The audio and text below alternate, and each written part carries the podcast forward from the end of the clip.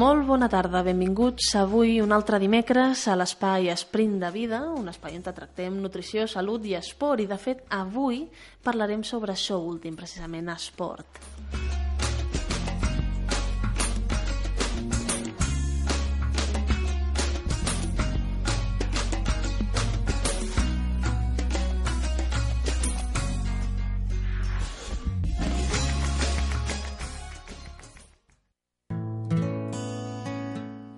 sé si alguna vegada ho he comentat, però mm, jo sóc especialista en nutrició esportiva i porto diferents atletes tant d'elit com recreacionals. I, de fet, per això mateix avui vull dedicar aquest programa a la nutrició esportiva. Però no no confonguem nutrició esportiva amb suplementació, sinó amb pautes alimentàries adequades a l'esport i a les competicions que es tinguin planificades. Per tant, aquí comencem a veure de què tractarà avui el programa. I per això mateix Avui tenim aquí en Josep Ramon Ferraró, que també és especialista en nutrició esportiva com jo i m'ajudarà amb aquest debat tan interessant. Bon dia, Josep. Bona tarda, Anna. Bona, Què tal? bona tarda. Com estàs? Molt bé. I tu? també, també. Encantat d'estar per aquí i col·laborar amb tu amb aquest programa. Molt bé. De fet, eh, fa un parell de setmanes, si no recordo malament, no, fa un parell de setmanes vam estar a la fira prèvia del Mara, de la Marató de Barcelona.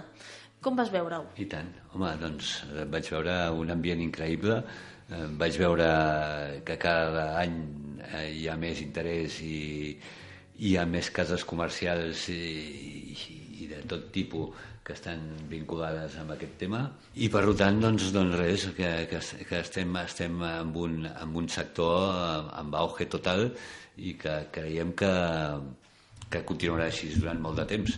De fet, només fem que seguir la pauta que, que hi ha por ahí, tant a altres països com poden ser França o Alemanya, en el que també aquests temes, aquest deport, doncs, ocupa quantitat de gent.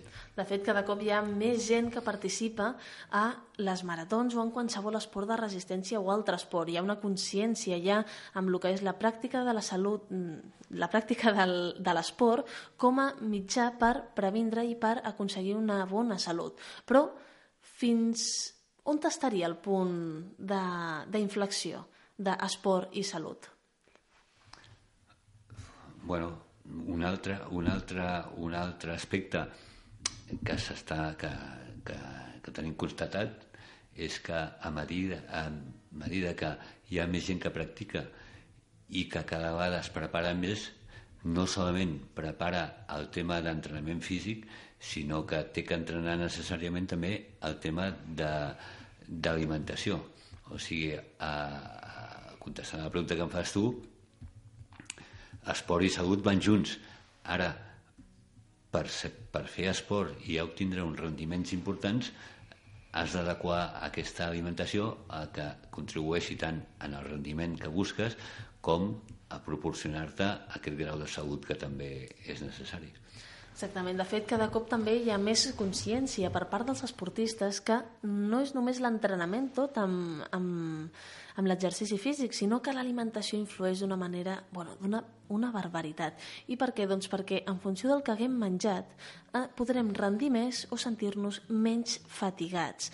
I també podrem arribar a reduir el risc de lesions. Per tant, comencem a veure la importància de l'alimentació en un esportista i per això, sempre que anem a fer una conferència o un clínic en temes esportius, se'ns pregunten des de, des de mateixos assistents ostres, Anna, Josep, però què hem de menjar abans, durant, després d'una competició? Doncs bé, de fet, és tan diferent la pauta tant d'entrenament com de precompetició durant la competició o per recuperar-se que és necessari fer clínics o conferències molt específiques i fer diferents tipus d'alimentació en aquesta gent que participa que han de, bueno, necessiten un nutricionista, més quan ja es dediquen a fer un esport de resistència o de llarga resistència, com pot ser una marató.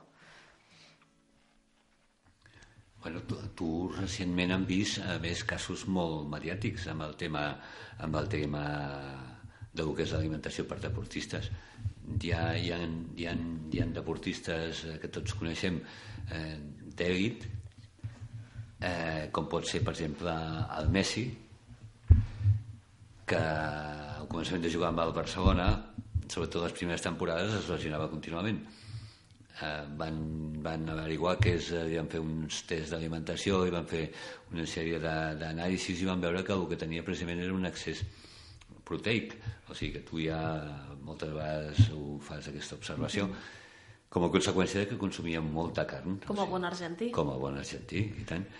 I, bueno, el que van fer és canviar-li unes pautes i van, i van, i van canviar l'alimentació i va deixar, com, com tots sabem, doncs, va estar dos o tres temporades pràcticament jugant a tope tots els partits sense tindre una sola lesió. Exacte, Hi ha altres casos, com tenistes també reconeguts i tal. O sigui que vull dir amb això, doncs de que realment l'alimentació és importantíssima i vital com per aconseguir aquests objectius. Exacte. De fet, sí que s'ha vist que la gent... Bueno, això ens ho explicaven a la facultat i nosaltres potser no ens ho creiem dels nostres professors, que ens deien, mira, la gent ho arriba a fer, arriba a menjar tan malament en l'esport que per poc que els hi canvis milloren una barbaritat. I això no m'ho no vaig creure fins que no vaig estar tractant amb casos clínics ja fa bastant, bueno, alguns anys que estic amb el tema. I és veritat, o sigui, hi ha un gran des desconeixement. De fet, aquestes dietes de gimnàs, de, de, de pollo i arròs han arribat a fer tant de mal en la salut dels esportistes que fins i tot atletes de resistència estan seguint aquest tipus d'alimentació. Què passa? Que canvia molt també l'alimentació entre els mateixos esports i per aquest motiu s'han de fer pautes completament diferents, ja sigui un tipus d'esport o un altre. De fet, aquí puc ficar un exemple. Eh, jo vaig conèixer fa la marató de l'any passat a la Berta Martín, i des de llavors la vaig començar a portar jo. La Berta Martín era, és la campiona d'Espanya d'escalada. I, de fet, ella, quan va començar bueno, va començar a vaig començar a tindre cites amb ella, vaig veure que tenia una por, com a bona escaladora, a engreixar-se. Què passava? Que tenia por a consumir tot el que eren hidrats de carboni. Jo ho vaig agafar eh, sense tindre cap mena de contemplació, com sempre fa, i vaig agafar-la, vaig calcular-li els requeriments, li vaig fer una dieta on hi havia hidrat de carboni, quasi, quasi un 60% de la seva dieta era hidrat de carboni, ella, quan la va veure, va ficar les mans al cap i jo li vaig dir «Nena, prova-ho, dues setmanes i després digue'm què tal». I es va primar, que era el que volia aconseguir. I ara està mantenint un pes estupendo. Llavors, què passa? D'aquí vull dir que depèn de l'esport hem de tindre un requeriment o un altre. L'escalada és un esport que necessita més quantitat de proteïna de lo normal, però tot i així la dieta d'aquesta noia, que és escaladora, és d'un 60% d'hidrats de carboni. Per què? Perquè un esportista, per tindre una bona concentració, un disminuir el risc, bueno, disminuir la fatiga i que els seus músculs tinguin l'energia necessària per poder acabar l'exercici és necessari l'hidrat de carboni, que és l'única molècula que ens permetrà que el cervell pugui tenir glucosa. El cervell pot agafar gluco energia també a través d'un altre compost, que són els cossos atònics, però poden arribar a ser tòxics i perillosos. Per tant, la meva recomanació és que sempre que es pugui tirar d'hidrats de carboni, coneixent els requeriments de cada un, doncs un esportista tiri d'aquí. Un altre aspecte, i jo sé, em consta perquè sí que has fet diversos treballs sobre aquest tema, és eh, els problemes gastrointestinals que tenen molts deportistes sobretot aquells deportistes que, que es dediquen a fer proves de llarga distància, de resistència, com poden ser els maratonians o poden ser la gent que fa Ironmans o bueno, proves, proves realment ja dures i llargues en el que el percentatge de, de deportistes que tenen aquest tipus de, de problemes doncs són moltíssims. Mm. I és una de les coses que jo sé que tu us hi, hi soluciones, en, en la majoria dels casos, amb l'alimentació. De fet, aquí tens tota la raó, Josep, perquè jo quan vaig començar a treballar també amb aquest camp em vaig adonar que hi havia molts esportistes que patien bueno, gastrointestinalment. Això vol dir vòmits, diarrea, mal de panxa, gasos, acidesa, dolor abdominal, o sigui, de totes les varietats i gustos. I què va passar? Pues que jo, ostres, em causava moltíssima inquietud perquè estava allà treballant en un camp, sabia que hi havia doncs, molts problemes d'aquest tipus i no sabia com solucionar-los. Així que, de fet, eh, l'últim màster que vaig fer va ser perquè vaig trobar una assignatura que era d'això, de trastorns gastrointestinals en l'esport. I vaig estudiar només aquell màster per tindre aquella assignatura. Llavors, què em vaig trobar? Pues que hi havia realment bastanta desconeixença inclús en el món científic, perquè d'investigadors hi havia Jenkendrap i pocs més, i de nous encara menys, i, i ens estaven basant en estudis de l'any 1980, és a dir, estudis que per altres coses considerarien ja desfassats, que s'haurien de fer revisions. Doncs bé, al treball de final de màster vaig decidir que ja que no hi havia investigadors i aquella assignatura se m'havia quedat bastant petita pels coneixements que ja tenia, doncs vaig decidir fer la meva pròpia investigació sobre, de fet, els nostres propis clients, Josep. I, de fet, vaig fer quatre grups de, de població. Vaig agafar uns atletes de resistència i els hi vaig fer una alimentació control, és a dir, l'alimentació normal que portaven, una alimentació normocalòrica, normoproteica, normo amb hidrat de carboni, és a dir, normal. A l'altre grup els hi vaig baixar el contingut en fibra. A l'altre grup els hi vaig baixar el contingut en greix i finalment vaig fer un quart grup on vaig baixar els dos continguts, tant en fibra com en greix. Què va passar? Que el primer grup va seguir tenint trastorns gastrointestinals. El que els havia baixat en fibra i en greix, per separat, havien reduït en quasi un 50%, però és que aquelles persones que tenien un trastorn gastrointestinal bastant acusat, que els havia baixat tant el contingut de fibra com de greix, és a dir, havia fet pràcticament una alimentació de fàcil digestió, pràcticament d'aquestes astringents que es donen a l'hospital, doncs havia reduït el 100% els trastorns gastrointestinals. A partir d'aquí vaig començar-ho a aplicar.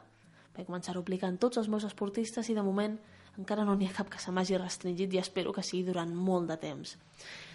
I el cas més dur va ser el d'una noia que corria amb prou feines mitges maratons, no podia córrer més, perquè de seguida tenia unes ganes d'anar al lavabo i es passava, després d'una competició de 20 quilòmetres, doncs 6 hores al lavabo. Doncs ara fa poc va acabar els seus primers 100 quilòmetres de running. I és que tant el running com la natació són els dos esports de resistència que més trastorns gastrointestinals s'han detectat i que s'hagi pogut eh, bueno, aconseguir aquesta millora amb aquests esportistes, doncs per mi la veritat és que és un gran èxit. Certament és així i podríem estar parlant durant molt de rato perquè un altre problema també molt, molt, molt acusat que se m'ocorreix ara és el tema de les rampes, dels calambres d'aquí també es podríem estar parlant, però em sembla, Anna, que se'ns acaba el temps. Llavors quasi millor que guardem aquest tema, o guardis millor aquest tema per un altre dia. Mm, bueno, mm, ens queden dos minutets, podem fer un resum, ja que ho has deixat anar, més que res per no deixar-los ara amb les ganes. Molt bé.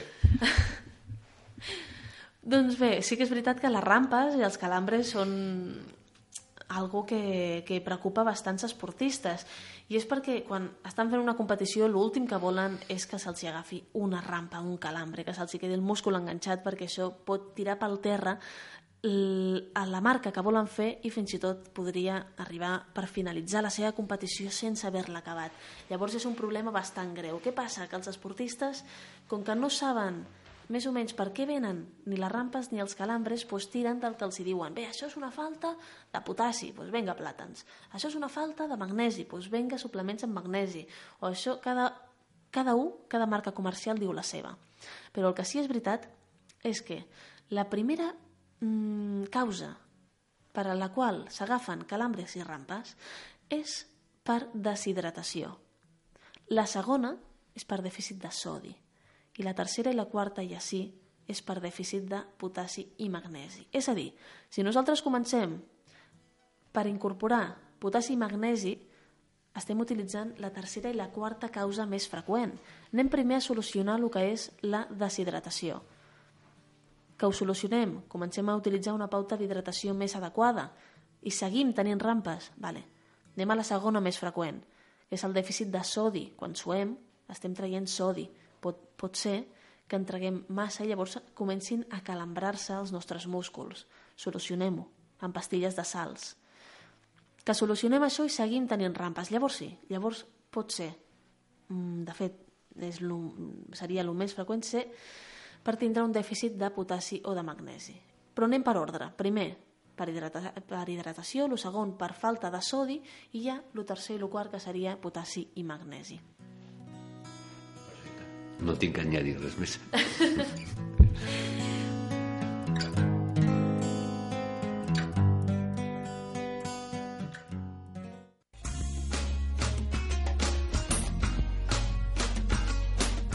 Doncs fins aquí el programa d'avui d'Esprint de Vida. Moltes gràcies, Josep, per haver vingut. Encantat d'estar aquí, acompanyar-te ens tornem a veure. Exactament. I a vosaltres ja ens retrobem la pròxima setmana. Una abraçada.